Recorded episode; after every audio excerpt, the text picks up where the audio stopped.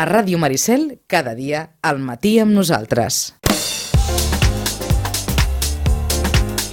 No deixem de refrescar la memòria, perquè la nota de premsa del Parlament Europeu, és clau, deixava ten clar, aquest cop és diferent, aquest cop és diferent, aquest cop és diferent. Diuen una vegada, i dues, i tres, perquè aquest cop és diferent. 400 milions d'europeus podran decidir com seran el Parlament i la Comissió dels propers cinc anys. I en Joaquim Millan ens deia, el Parlament Europeu és important, però encara és més important la Comissió perquè és l'òrgan executiu de la Unió Europea. Per tant, és finalment, vaja, el que mana o el que influeix més a les decisions de la Unió Europea. Com sempre, eh, com cada mes, des de a veure si ho dic ara com ho haig de, com ho haig de dir, com ho haig de dir. Des d'Eurolocal, en Joaquim Millan ens acosta a l'hora d'Europa. Joaquim, bon dia i bona hora. Molt bon dia. Aquest cop és diferent. Sí, jo crec que és diferent. Tornem-ho a dir una vegada més. Jo crec que és diferent, sempre és diferent, però jo crec que aquesta vegada sí que podem dir d'una manera rotunda que és diferent. Bàsicament, penso que, a part del que has dit tu, per tres temes concrets. Un, perquè amb la crisi hem après tots a mirar a Brussel·les com dient eh, aquests sembla que manen i manen bastant, per tant, jo crec que conscientment, malauradament, per la crisi hem après que a Brussel·les es prenen decisions que ens afecten, més del 80% de les decisions que acabem prenent aquí, ja ho han dit alguna vegada, venen condicionades per decisions prèvies que s'ha fet a a Brussel·les. Per tant, és diferent perquè ara en som conscients, on som més conscients que abans, una. Dos, perquè amb el Tractat de Lisboa, i això ja tu apuntaves, el Parlament Europeu té més poder i, per tant, la, la institució que ara escollirem tindrà més poder que la de la darrera legislatura tenia. Per tant, amb el Tractat de Lisboa el Parlament Europeu té més poder i quan tu tens poder hi ha una cosa que has de fer perquè la gent ho sàpiga que és exercir-lo i per tant el Parlament Europeu l'exercirà. De fet, la vegada que va tindre el poder com per inclús carregar-se una comissió europea se la va carregar que va ser la comissió Santer, ens en recordem, no? O quan en un moment donat se li va dir en un moment donat tu podràs recusar alguna proposta de comissari, ho va fer, va recusar l'italià i el búlgar a l'última vegada. Per tant, el Parlament Europeu sempre ha fet una cosa que és en la mesura que li dones poder l'exerceix, i tercera, perquè a més aquesta Comissió Europea, i això t'ho has dit ja clarament, el seu president sobretot, ve condicionada per la majoria política que en aquests moments hi hagi en els resultats del Parlament Europeu. Serà molt difícil que una Comissió Europea que no, no, no, no s'adigui massa amb la majoria finalment que ideològica, eh, política que s'ha escollit a partir del 25 de maig pugui funcionar perquè el Parlament bueno, constantment li estarà marcant el pas, de fet ja va condicionat el president o president de la Comissió Europea en aquesta majoria, etc. i per tant sabem que, entre cometes, la, la política europea i especialment la la que exerceix la Comissió Europea es polititzarà, que fins ara la Comissió Europea per nosaltres eren com uns tecnòcrates yes. encapçalats per un tal Barroso que no sabíem inclús preguntes i no sabíem inclús de quin partit era. No? Perquè refresquem de nou la memòria, fins ara la Comissió Europea, qui presidia la Comissió Europea, era escollit? Era un acord entre els estats membres, no? Vull dir que és així. I de fet els estats membres nombraven cadascú tenia una parcel·la, un comissari i l'escollia ell, no? De fet el darrer comissari que hem tingut és el senyor Joaquín Almunia, que el Partit Popular hagués pogut un moment donat doncs, canviar, que no ho ha fet, jo penso que d'una manera correcta, de dir, bueno, no perquè ara siguem d'un color canviem, perquè també el senyor Almonia s'ha de reconèixer que ha fet una molt bona feina dins la Comissió Europea i té un reconeixement internacional per les tasques que ha desenvolupat durant aquest temps, doncs realment d'un alt nivell. No? La Comissió Europea és qui mana més. Bueno, de fet, qui mana més hi ha una altra institució que és el Consell, que, el eh, Consell. Són, que són bàsicament ja els estats. Aquests són els que... Eh, eh, jo crec que la comissió el que fa és una mica exercir aquelles prioritats, objectius que fixa prèviament la, el Consell i aquí és que amb el Tractat de Lisboa el Parlament Europeu se li dona més poder, que vol dir que entra el joc. És a dir, ja no tot es podrà fer d'esquenes al Parlament, hi ha coses que s'hauran de pactar amb el Parlament, hi ha el, el que se'n diu la codecisió, que a més a més mm -hmm. jo crec Mhm. que l'Andrea Levi ens en podrà explicar Eh, també. eh, I estirem encara una miqueta, una miqueta més del fil. Parlament, Consell, Comissió. Sí. Quin és el paper de cadascú, Joaquim?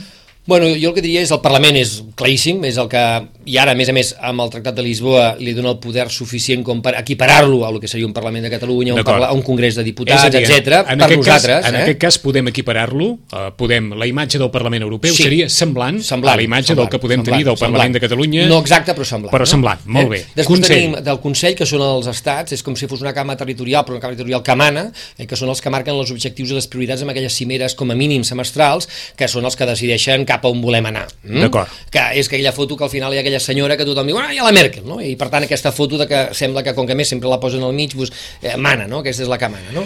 Eh, al final pas, hi ha aquesta percepció, sí, que sí. no és real, però és la que existeix i perquè la gent ens, que ens escolta ens entengui, no? D'acord. I després hi ha una mica el la... Consell està format pels caps de govern fonamentalment? I, i primers ministres, I primers depèn, ministres, la fórmula eh? de depèn cada de la fórmula estat, de cada eh? estat. Aquests són els 28 i es reuneixen també amb el president de la comissió i en aquest cas també amb el propi president del Consell, que és aquell senyor que mm, no coneixem massa, que és el senyor Van Rompuy, no? eh? que a través del Tractat de Lisboa pues, va, es va crear aquest càrrec, no? una mica per, per suplir aquella demanda sempre de um, Europa, qui truco, which telephone uh -huh. number, no? Pues, bueno, ara el Rompuy. De fet, al final han acabat trucant a la, al Cameron, a la Merkel, etc. Eh? Aquesta és la realitat. Aturem-nos eh? un moment aquí perquè el Consell està format pels caps d'estat o primers ministres dels 28, però el senyor Van Rompuy qui l'escull? el Salmon, bueno, també és un pacte entre aquests, no? Vull dir, perquè és el que els representa, eh? per no, eh, dir, mentre no hi ha les cimeres, etc.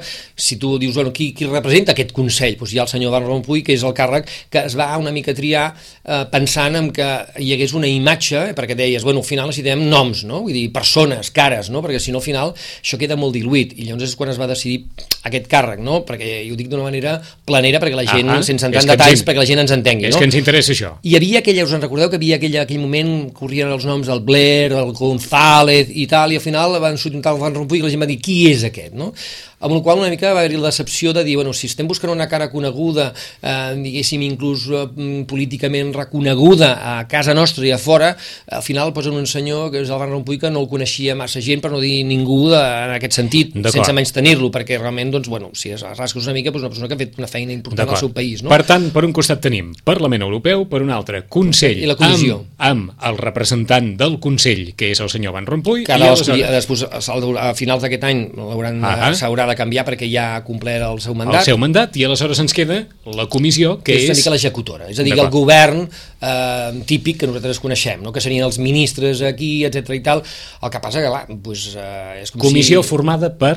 Comissaris, que comissaris. en aquests cas són un representant per cada un dels estats membres, eh, que s'ho reparteixen una mica a les carteres, etc etc, perquè també aquest tema bueno, s'està resolent, el Tractat de Lisboa també eh, ens parla d'una una sèrie de diverses fases que, que, que també hi haurà que haver-hi perquè el que no pot ser ja cada eh, si anem ampliant eh, més comissaris, més comissaris, que és un tema que ja està sobre la taula ja fa temps, i per tant jo penso que també entrem en una dinàmica que les institucions europees i la política europea es polititzarà una miqueta més perquè, clar, també eh, amb, amb, tota la, amb tota la crisi econòmica s'han pres decisions, com pot ser aquestes polítiques d'austeritat, que a principi semblaven necessàries, després eh, necessàries sí, però complementem amb una altra cosa, i hi ha hagut certes decisions que la, la percepció de la gent és que no han estat mm, correctament preses o amb interessos dels ciutadans, jo no dic si és tot o no, uh -huh. però aquesta és la percepció, però al final no saps qui les ha pres, si és una és una política de dretes, d'esquerres, i els populars, i els socialistes, i els liberals, i tal, només saps que això des de Brussel·les ho obliguen que els estats, que si tu saps qui són,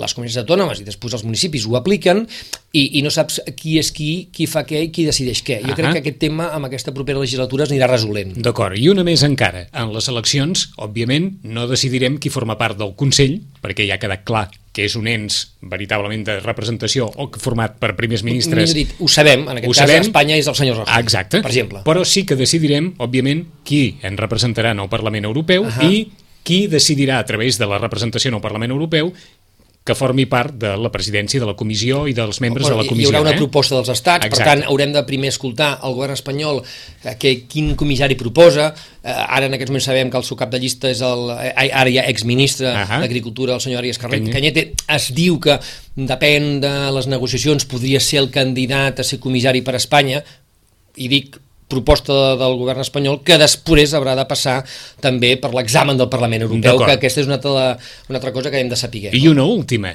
Bé, anirem a votar a una llista uh mhm. -huh. electoral. Molt bé. Com ens deia en Joaquim, aquí hi ha una circunscripció única que és tot l'estat espanyol. Correcte. D'acord. Sí, per sí. tant, el que es vota és una llista que en aquest cas aplega a representants d'un determinat partit correcte, o ideologia correcte, sí. de tot l'estat espanyol. Correcte. D'acord. Això és així. Això és així, eh? O sigui, anirem a trobar tantes paperetes com hi hagi per la circunscripció espanyola. És a dir, quan anem aquí, per exemple, a Sitges, a, sí, la nostra col·legi electoral, electoral, us trobarem allí 41. Per exemple, Esquerra es presenta, doncs, doncs, bueno, una persona de Lugo trobarà la, seva, la papereta d'Esquerra allà, no? Vull dir, perquè ens entenguem també, eh? Vull dir, perquè totes les paperetes Gràcies han d'estar a totes les circunscripcions electorals de l'estat espanyol perquè és, És a dir, si algú, única. de, si algú de Lugo volgués votar a, Terricabres, podria, Podria votar a Terricabres. sí. I com aquí ens trobarem llistes, que direm, aquests ni sé qui són, però si els vull votar, els puc votar. No? D'acord. Andrea Levi només té 30 anys i no sabem si en la, si en la seva vida, no, no sé, aquesta qüestió de l'aigua barreig del coneixement de les institucions europees també ha format part eh, d'una forma o una altra d'aquell interès en saber a, a qui ens mana des d'Europa. Saludem a la vicesecretària general d'Estudis i Programes del Partit Popular Català, Andrea Levi. Andrea Levi, bon dia i bona hora. Eh? Molt bon dia. Haig de dir una cosa, eh? I per dues, i dues i tres, vinga. Així m'agrada, així m'agrada Tinc que- 29, eh? 29. Perquè comple... en compleixo els 30 d'aquí unes setmanes, eh? Encara m'agrada que em diguin 29. per fer la puntualització. No, no, deureu, no deureu canviar massa quan arribeu als 30, per això no. Suposo que no, eh? M'agrada per, per, per, fer, per fer la puntualització i estava molt atenta escoltant el company Joaquim eh, com explicava molt pedagògicament eh, tota l'explicació que estava fent molt, molt interessant. Eh, és que, és que veritable, veri, veritablement continua sent hores d'ara un problema explicar el funcionament de les institucions europees Sí, a la sí, ciutadania en general. Sí, és complicat, no? Sobretot perquè en fi, són, són persones que venen de diferents eh, països, no? El que estàvem comentant, el Van Rompuy, Martin Schulz, eh, José Manuel eh, Barroso, i per tant no són tan conegudes. A més, eh, en l'exercici de les seves responsabilitats, doncs tampoc tenen el focus mediàtic com poden tenir doncs, els polítics i els càrrecs en el nostre país, i Mhm. aquesta llunyania doncs, moltes vegades crea aquest desconeixement per part de, dels ciutadans. I no? fins I a- està molt bé que aprofitem, Mhm. on tot que sigui doncs, en el període d'eleccions, per fer aquesta pedagogia entenedora sobre com funciona i quines són les institucions i els càrrecs a la Unió Europea. Doncs gairebé començarem pel final, per la pregunta que hem fet a, a altres eh, representants de diferents formacions polítiques. Fins a quin punt és important que aquesta Europa vingui, no diré que manada, però administrada per persones que no tenen un, un perfil molt mediàtic o, o que formin part més d'una estructura, d'un organigrama que, que no pas doncs, d'allò, que tinguin una, una presència eh, pública o mediàtica molt forta. Fins a quin punt això és important per la ciutadania o què té de bo i què té de dolent que el qui mani a Europa no sigui especialment allò conegut per tothom? Bueno, jo crec que primer és que hi ha la dificultat aquesta que, que comentava, doncs que la Unió Europea són eh, eh, 28 països, 750 milions de persones, no em sembla, que Mhm. estàvem... I per tant, eh, és, és difícil no, que, que puguem conèixer doncs, els polítics que es presenten o els candidatables per a aquestes institucions d'altres països sobretot a vegades per la complexitat no? de- d'aquestes institucions i, i d'aquesta arquitectura europea. Llavors, l'altre dia no, vam veure el debat entre, entre candidats a, a presidir la, la comissió i estic molt segura de que si sortim al carrer avui o inclús el 21 de maig, no? abans de, de les eleccions, a, a preguntar Sí. qui es presenta de cada partit eh, a, a, a president de, de la comissió, doncs hi haurà un grau de desconeixement molt alt, no? Mhm. Llavors, en aquest sentit, hi ha una, una tasca per part de, de les institucions europees que això jo crec que és un dels punts importants en la pròxima legislatura, que és d'apropament de les institucions europees als ciutadans, és a dir, passar d'allò que en diuen el club d'estats, on només, diguéssim, sembla que les decisions les decideixen els estats membres, apropar-ho al màxim possible als ciutadans. I en aquest sentit crec que és important de cara als pròxims anys, doncs, primer, l'apropament, segon, la transparència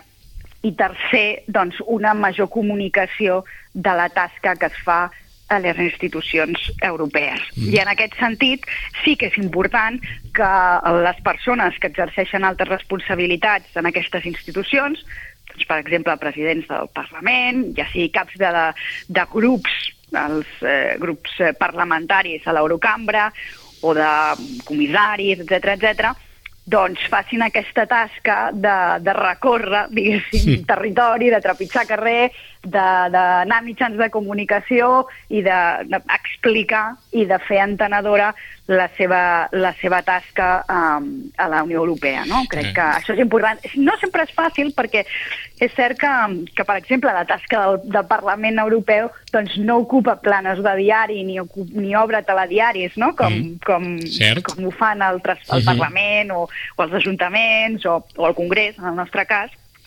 però les decisions que hi s'hi prenen són molt importants. Tenim en compte que actualment al voltant d'un 75-80% de, de, la nos, de les nostres eh, normes, de la nostra legislació, ve derivada del Parlament Europeu. Per tant, no és un tema menor, és un tema que ens afecta i, per tant, ens hauria d'interessar i, i ens hauríem de fer doncs, eh, aquesta tasca d'apropar-nos, perquè les decisions que ja se prenen doncs, tenen un efecte directe a les nostres vides. No? De fet, ja en la introducció ja esmentàvem justament que mm. hi havia, i tu ho has anat apuntant, Andrea, perquè una de les coses que m'agrada que també ets una política jove però molt pedagògica i això també és important perquè hi ha tres coses que hem de canviar. Una és Uh, i tu has apuntat, tu has apuntat dos. Uh, una és els mitjans de comunicació, jo penso que els mitjans de comunicació han de fer un esforç per ser pedagògics també amb el tema europeu, com també ho fan en altres àmbits, i per tant el tema europeu a vegades se'ls ha de recriminar que no ho fan tant, vull dir, utilitzen també perquè podés la notícia que ven, no? lo dolent, etc. vull dir, lo bo i lo pedagògic a nivell europeu no ven, exemples com el programa d'aquest doncs és un exemple que de, malauradament no tenen altres ràdios, n'hi ha unes quantes però no és lo habitual i per tant fem pedagogia durant els 5 anys aquí com a mínim una vegada al mes i això jo crec que s'ha de destacar amb altres ràdios també però no és lo habitual. Una altra responsabilitat, i tu apuntaves l'altre dia al debat a Barcelona, és la dels ciutadans. Els ciutadans ens hem donat compte que, que, que com a mínim ara no podem dir que Brussel·les no, no, no és important, ara sí que ho sabem. Però hi ha un tercer que penso que és important que és els propis partits polítics no? jo crec que aquí a mi m'agradaria una mica tu eh, no tant en quant en Partit Popular, que també, però sí com a candidata d'un partit polític, eh, també fer una mica eh, l'autocrítica, no? I els partits polítics en aquest sentit no són massa pedagògics quan parlem d'Europa, de fet acabarem fent la campanya també perquè ho deies tu, tema mediàtic, el Rajoy, Rubalcaba i companyia, i ostres, els candidats quedaran en un segon plan eh, perquè és així, és la realitat, però això jo crec que des dels partits s'ha de canviar, s'ha de fer pedagogia i no exclusivament quan estem en període electoral. Jo crec que gent jove com tu, per mi, eh, és un cant a, a, a, a ser positius en un futur. Jo crec que uh -huh. dels partits també s'ha de fer autocrítica com ho fem també des dels ciutadans. No ho veus tu així? Com, com, com, què es pot fer des dels partits? Què feu vosaltres i què creus que hauríeu de fer en aquest sentit una mica autocrític, no? Doncs sí, tens, tens tota la raó, no? perquè a vegades dona la sensació aquesta, no? de que ens oblidem d'Europa durant eh, 4 anys i 11 mesos, o 4 anys i 10 mesos, i ens en recordem només els dos mesos que comença la campanya electoral i llavors comencem a veure les teles eh, els candidats eh, a les eleccions o els eurodiputats acompanyant els presidents dels partits aquí doncs, a Catalunya o els partits no, d'àmbit nacional. I no, o sigui, la tasca aquesta seria important que, que l'anéssim eh, tenint durant, durant tot l'any. No?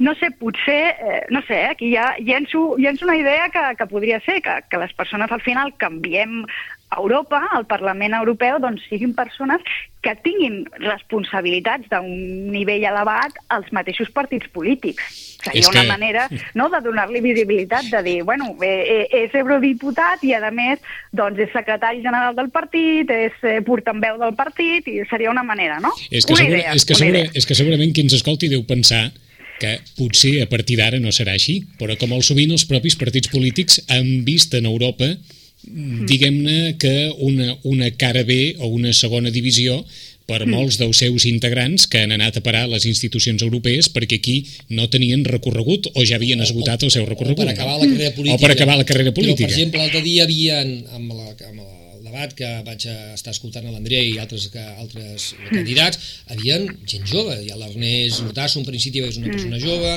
hi ha el Javi López pel PSC, que és una persona jove, la mateixa Andrea, que ja va de mm-hmm. número 2 del Partit Popular a Catalunya, doncs també és una persona jove això està bé perquè és una de les parts que s'ha de fer i l'altra, jo crec que ho apuntaves tu molt, molt bé Vicenç i l'Andret també ho deixar de dir això hauria d'anar combinat no amb gent que va acabar la seva carrera política sinó gent que té un pes important en aquell moment en el partit i que renuncia a, a seguir-lo exercint aquí perquè considera que fer-ho a Europa és tan o més important i aquí seria l'altre canvi de xip. Uh -huh. no s'ha fet el... Un... Que, que encara no s'ha produït. No, s'ha produït el primer de dir rejuvenim la gent que enviem allà, perquè sí. si no se'n va al cementeri d'elefants, i ara falta sí. dir, bueno, i ara enviem, escolta'm, allò que dius, aquell que marca els gols a l'equip, eh, bueno, doncs aquest el portem a Europa perquè també hem de marcar gols allà, no? Clar, clar. Això, el que passa és que aquí eh, hi ha l'altra banda, no? Clar, si el focus mediàtic o, o diguéssim, eh, no està a Europa, també és difícil, no? Perquè al final enviar una persona doncs, d'alt nivell a, a, a, a l'apagón informatiu, doncs és l'altra banda, no? Per això hi ha aquest doble efecte, no? Que, que realment, doncs, si posem el focus mediàtic en allà eh, perquè té transcendència i és important i, i l'hauríem de, de posar-hi, de posar-lo, i per l'altra banda, doncs, que les persones que, que hi enviem veiem doncs, siguin persones que puguin atreure no? aquest focus mediàtic, Però... les dues coses. El que passa és que a mi sí que m'agrada destacar una cosa que crec que és important del Parlament Europeu, no? amb el tema de la joventut, que evidentment no seré jo qui critiqui la, la joventut en política, però sí que és cert que mm, a diferència, millor d'altres parlaments, i en el cas del Parlament de Catalunya, a la Unió Europea, al, al, perdó, al Parlament Europeu, hi ha una tasca molt important de negociació. Perquè aquí no estem només parlant de partits polítics, estem parlant de delegacions de cada país, d'acord? Mm. Dintre d'un mateix partit polític, com és el Partit Popular Europeu, hi ha la delegació espanyola, hi ha la delegació francesa, italiana, les famílies polítiques, sí, val? Llavors, què passa? que a l'hora de fer una negociació en temes que són capdals, com pot ser l'agricultura, com pot ser la pesca, com pot ser infraestructures, en fi, clar, aquí hi ha interessos ja no només ideològics, hi ha interessos de país. Llavors és cert que s'ha d'enviar a Europa doncs, persones que hagin tingut un cert recorregut en política i que siguin una mica mm, bregades en el tema de les negociacions sí. i sobretot que, que no els importi massa això que dèiem del foc mediàtic, no? Perquè al final el Parlament Europeu no és un Parlament on un, on un vagi i faci una super, un super speech, un super discurs, una super declaració perquè surti a tots els diaris, sinó que hi ha una tasca molt, molt important de negociació per convèncer ja no només el teu partit polític i altres partits polítics, sinó dintre del teu propi partit polític a d'altres països de, de la teva pròpia família política, no? I això, eh, diguéssim, mm, és una escola interessant perquè sí. són per joves, evidentment, perquè se n'aprèn molt, i sobretot perquè recordem que el Parlament Europeu el nivell de tecnicisme és molt més alt del que pot ser en els nostres parlaments. Allà realment les directives i la, la legislació que... Potser per fer, per, penseu que per fer legislació europea primer han de fer uns informes, que són informes molt tècnics. No sé si heu tingut a la mà les directives europees, però ja al principi de tot hi ha una sèrie de considerandons mm -hmm. que mhm. són, en fi... És complicat, que, és complicat. No és, és fàcil. Que són eterns. Eh. Potser poden tenir 200 idiomes... pàgines eh, de considerandons. L'Andrea parla tant, de negociació, també els idiomes, sí, jo crec que sí, també és sí. important això perquè també t'apropa al, al, sí, sí, sí, al, teu company de la teva pròpia I família. Cultural, no? I culturalment, no? Perquè correcte, no és el mateix correcte. negociar amb un suec que negociar amb un italià, mm -hmm. i sense fer consideracions d'aquest tipus, però a, no és el mateix, no? A, a, veure si se, a veure si se sabrà negociar millor a Europa que aquí. bueno, bueno, ja estàs, estàs, en certa manera estàs obligat per això. començant a tindre, i això jo crec que és important, eh, que, que ho sapiguem. Eh? L'Andrea ha dit una cosa que, que, vull dir, que ha passat poder desapercebuda per l'oient, però crec que vull a ressaltar-la, la negociació en la teva pròpia família, cosa que aquí no estem acostumats perquè quan negocies a la teva pròpia família, clar, si no estàs més al aviat, costat del líder, com que... Més aviat et fan fora de la no, família. No, exacte, perquè no es, no es pressuposa que tu estàs fent uh -huh. una bona intenció de, de donar valor afegit. Allà com que estàs obligat, perquè que si no, no dins la teva pròpia família no tindràs la majoria, per després negociar amb els altres i després a sobre portar-ho a votació, convèncer convèncer, també una altra paraula que ella ha dit, el anar, sé, a seduir, a convèncer els altres, no? Mm, jo crec que també, jo crec que és una, un art, és l'art de la política, poder, no? Una, sí, una part de l'art de la política, i això l'Andrea en, en sap perquè l'altre dia la vaig sentir parlar en aquest sentit, no? De dir, bueno, la corresponsabilitat de tots, no? Jo crec que això és molt important que la gent ho sàpiga. Mm. I després una altra part que també és molt interessant de la Unió Europea i que mm, també és molt desconeguda i que també es fa la tasca dels, dels europarlamentaris és tota la part de relacions internacionals de, de l'Eurocambra amb altres països i sobretot la responsabilitat que tenen en països doncs, amb incipients democràcies o mm -hmm. països que estan començant processos doncs, que s'emmirallen en el nostre Parlament Europeu. Eh. I clar, a mi m'explica el Santi, que és el Santi Fisas, Sí. que ha estat diputat aquesta legislatura, no? doncs com a vegades doncs, ha anat a Mali, com a vegades ha anat doncs, sobretot a països no? eh, d'incipients eh, democràcies o inclús democràcies doncs, molt febles de, del nord d'Àfrica, doncs, eh, una mica a explicar la seva experiència i a traslladar l'experiència democràtica. No? I per tant, doncs, aquí jo crec que hi ha una part de bagatge polític que sí que també és, és important, no? D'aquest bagatge d'experiència política per desenvolupar les, les tasques eh, de la millor manera possible. Però, és clar, després en el dia a dia i abans no arribin aquestes eleccions europees ens trobem, per exemple, el cas més recent i que, òb- òbviament, Andrea Levy deu conèixer com, com en deu conèixer tants d'altres. Què pot fer Europa davant el que passa entre Ucraïna i Rússia? Bueno, doncs és que aquest és un dels pilars fonamentals en el tema de la construcció europea perquè, eh, és a dir, cada, des, de que, des dels principis, no? des dels fonaments de la Unió Europea fins ara, els estats membres han anat cedint cada cop més sobirania cap a la Unió Europea. Sí. Però sí que és cert que hi ha determinats temes que evidentment són, diguéssim, un dels pilars, pilars fonamentals de la seva sobirania, com és el cas de les relacions internacionals, que són una mica reacis eh, a delegar, d'acord? Perquè Sí. realment hi hagi una única veu a la Unió Europea. I ho hem vist, per exemple, eh, en el cas de la... De, jo, jo he sigut molt crítica amb la comissària Ashton, no només amb el cas d'Ucraïna, també en el cas de Líbia, també en el cas Sí. de Síria. És a dir, ha, ha sigut, eh, diguéssim, la seva incidència, eh, no diré nula, però, Minsa, però minsa. diré minsa, no? Però diré minsa, no?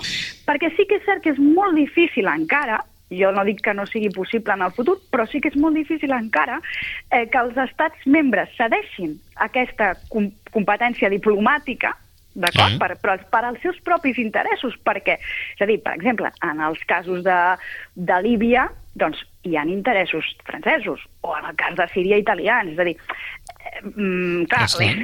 eh, Sí, i sí. llavors no és el mateix el punt de vista de quina negociació doncs, poden fer determinats presidents d'estats membres amb les arrels que tenen en països tercers, no? Do, doncs dues, du, una, reflexió una per, part. eh, una reflexió a partir d'aquí. Eh, qui ha de manar més aquí? Ha de Clar. més la política, ha de manar més que, que mana més, entre altres coses perquè ho preguntem això l'endemà que la cancellera Merkel deu estar enfadada encara després de veure com l'excanceller Schroeder es va abraçar a Putin i, Sí. i vaja, i ella va pensar, però què fas ara, Bueno, és que els interessos d'Alemanya amb Rússia, amb el tema energètic del gas, Ja. són molt importants. Ja hi som. I potser no tants com els que tenim nosaltres, Ja, que el gas el traiem de, de D'Algèria. Nord d'Àfrica, d'Argèlia. Per tant, aquí veus, és aquest element que estàvem parlant, no?, de que no és el mateix posar-nos en aquesta negociació nosaltres eh, des d'Espanya que Alemanya, perquè, per aquest tema de relació amb tercers països que marquen aquestes diferències. Però, no? però en Jo- canvi la ciutadania segurament voldria una Unió Europea més contundent davant de determinades actuacions, no? Jo, jo Sí, crec que ara comença sí. a ser més conscient. Sí? La, sí, però, però no tampoc et pensis. Eh? Ah, ja. Perquè en política exterior, eh, clar, ja, i poder, si el problema en vez d'Ucrania el tinguessin al nord d'Àfrica, com deia, llavors diríem, Marroc, sí, la Unió sí. Europea que vingui corrents, perquè, Ahà. ostres, això ho tenim al costat. Bé, mira, mira què ha passat, exemple, el que ha passat en Gibraltar.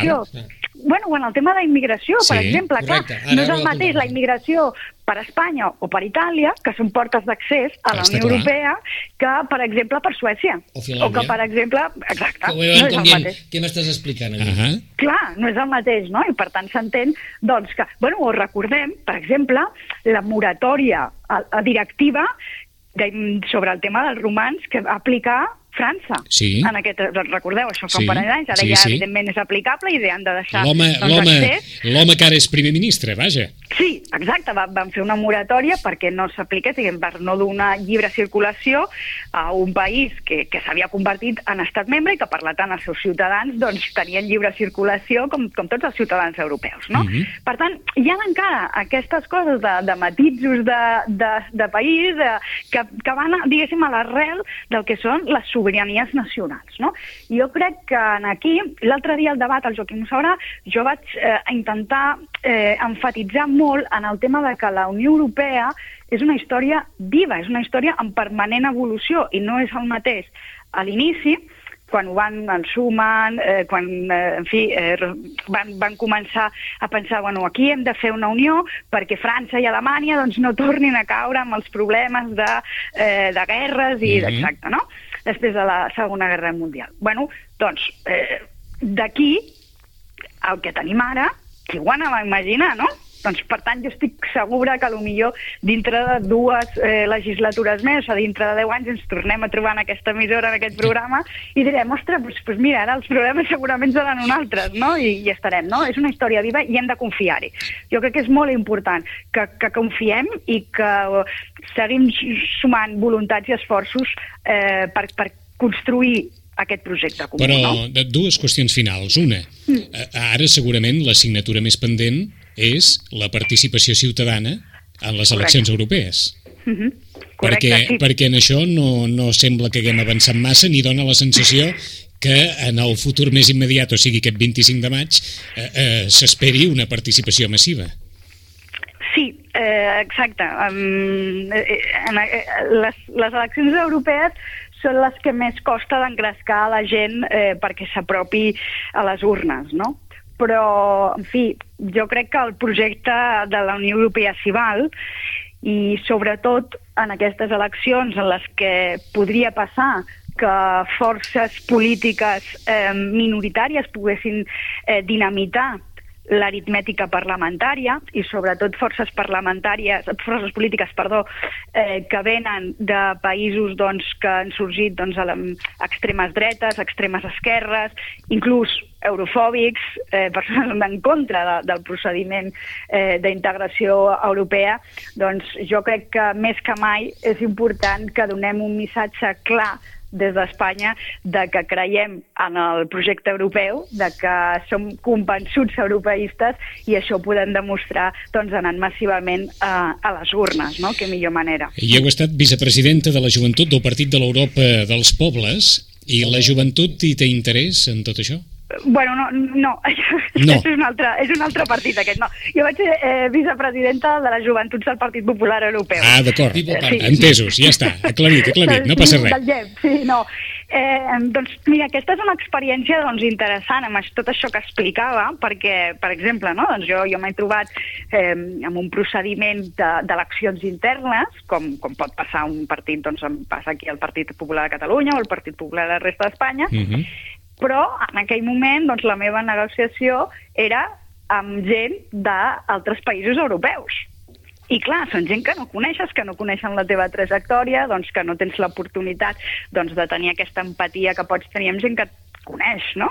I per això quan parlo del tema de l'experiència amb les negociacions, de conèixer també el criteri de, de, cultural, eh, perquè, per exemple, als estats del sud ens solem alinear millor no, bueno, serà per, per tema eh, cultural, però, però bueno, tenim, tenim més així, Mediterrani, tenim, doncs, bueno, ens posem d'acord amb més facilitat. Vaja, no? que aquella, I... aquella broma que feia Uri Barri a Eurovisió és veritat, sí. al final, eh? Sí, pues, et dic que sí, no? Sí. L'eje diguem, a l'eje eh, mediterrani ja, i... ens posem més d'acord, després anem a convèncer els nòrdics, després els de l'est, perquè, bueno, per, per una cosa d'identitat, pensem que ara bueno, clar, els, espany els espanyols doncs, tenim més, o hem, amb més freqüència hem viatjat o coneixem a gent d'Itàlia o coneixem a gent de, de Portugal per, que gent que vingui de Romania, no? Mm -hmm. per, per la distància.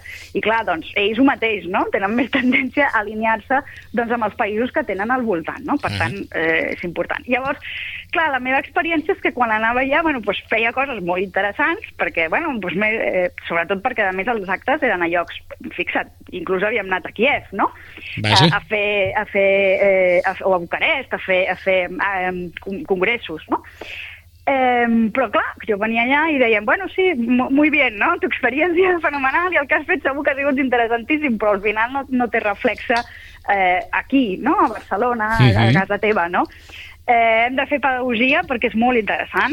Eh, jo les experiències que m'enduc són, són, molt, són molt interessants. I els joves, home, pensi que la meva generació, clar, mm, es pensa que tot això de viatjar sense passaport, de poder anar a universitats i que et convalidin els estudis, de... inclús ara, fixa't, fixa't, això ha sigut una cosa interessant de la darrera legislatura, no? Quan jo anava a un altre país, de la Unió Europea, que també era un estat membre, i no posem res lluny, posem França, les trucades són internacionals Ah, cosa que no té sentit, perquè, bueno, si som Unió Europea Sí. i som d'això, hauria de ser, no? Doncs aquesta legislatura, i això és un, un èxit de, del Partit Popular Europeu, hem aconseguit un descens amb les tarifes del, del roaming, doncs em sembla que està al voltant del 65%, no? Per tant, ara les trucades, quan anem a un estat membre, seran molt més barates. Doncs, bueno, aquest és un exemple, per exemple, que els joves segur que ens afecta, perquè som els que, bueno, anem més voltant pel món, no? Ah, em- Doncs, bueno, això ens afecta, doncs això és un, un, una raó per anar a votar. eh, esteu una miqueta avall a la llista, no? Jo, Sí.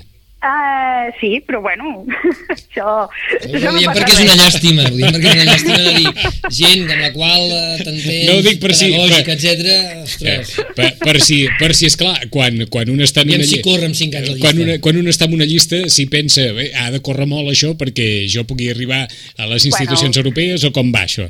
L'important és que puc fer campanya, per exemple, avui puc parlar amb vosaltres, que si no anés a la llista, doncs no sé si m'ho haguéssiu convidat a parlar, i és un autèntic honor doncs, poder fer aquesta campanya i doncs, poder eh, intentar, si més no, fer més entenedora o, o més propera la, la política europea, no? I per tant, ja només això és una oportunitat. Andrea Levi, gràcies per estar aquest matí amb Moltes nosaltres. Us gràcies a saludem Joaquim vosaltres. moltes gràcies, Andrea, ha estat un plaer. Fins la moltes propera. gràcies. Abraçada. Una Adéu-siau. Adéu, adéu. Peace.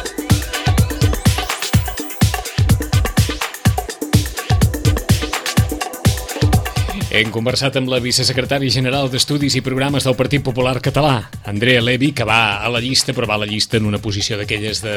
Bé, no direm testimonial, perquè haurien de córrer molt les coses, eh? I ja ho saben que en la majoria de casos hem plantejat aquí en reflexions que van més enllà estrictament del programa polític de cadascú, perquè la resta, com que la poden escoltar per totes bandes, almenys aquí, que puguem parlar una miqueta més de les institucions europees. I, I veure que els candidats uh, tenen discurs, Mhm. jo crec que és important en aquest programa vam plantejar ho vam uh, començar a, a decidir el que faríem entrevistes. De- de més enllà de, en veu sí, alta, més eh? enllà de, evident, parlar en algun moment donat de la campanya, però més enllà de, de l'estricta conversa De- de, de programari, sí, eh? de, de campanya pura i dura, no? Aquesta setmana s'ha aprovat la declaració d'Europa a l'Ajuntament de Sitges.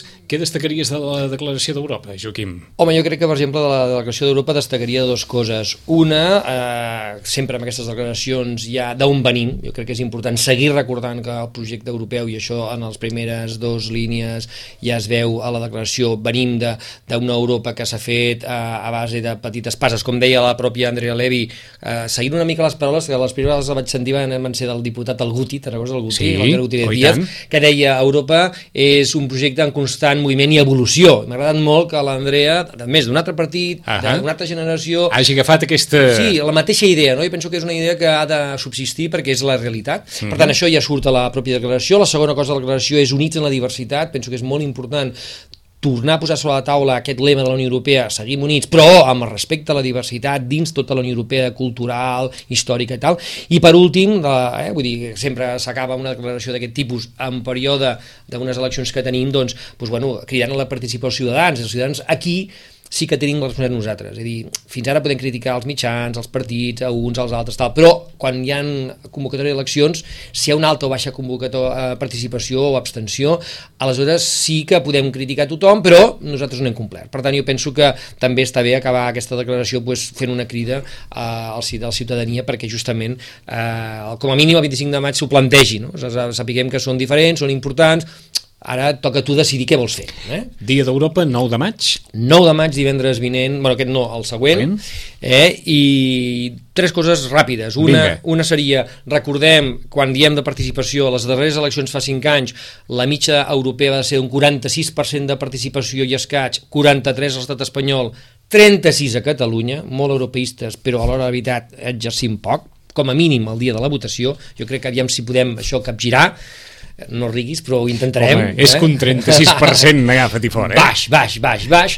Després recordar que a Sitges, a banda de, per exemple, la, la celebració que es farà la, durant la setmana vinent a l'Escola Maria Usó, que ja és tradicional després de 10 anys, també és tradicional més de 13 anys. El concert del Dia del Dia d'Europa. que el fem el diumenge per Joventuts Musicals de Sitges, un cop més els vull agrair que si ja ho posin a la seva agenda com una cosa habitual, 11 de maig, 7 de la tarda, a Saló d'Or, Palau Maricel. Ahà. Per tant, que, que El concert del Dia d'Europa, 11 de maig, maig, 7 de la tarda, Saló d'Or del Palau Maricel. Maricel tots, tothom està Ahà. convidat. I la ho tercera? esperem. I la tercera, eh, pues, senzillament, eh, la meva recomanació, més que mai, ja ho he dit abans, tinguem en compte que el 25 de maig en juguem, el que després ens puguin dir que aquí a Catalunya això d'Europa no ens ho creiem. Tornarem passades les eleccions. Correcte. I per tant, I a veure valoració. surt de tot plegat, eh? Joaquim, gràcies una vegada vosaltres. més. I a tots vostès, tornem en 5 minuts. Fins ara.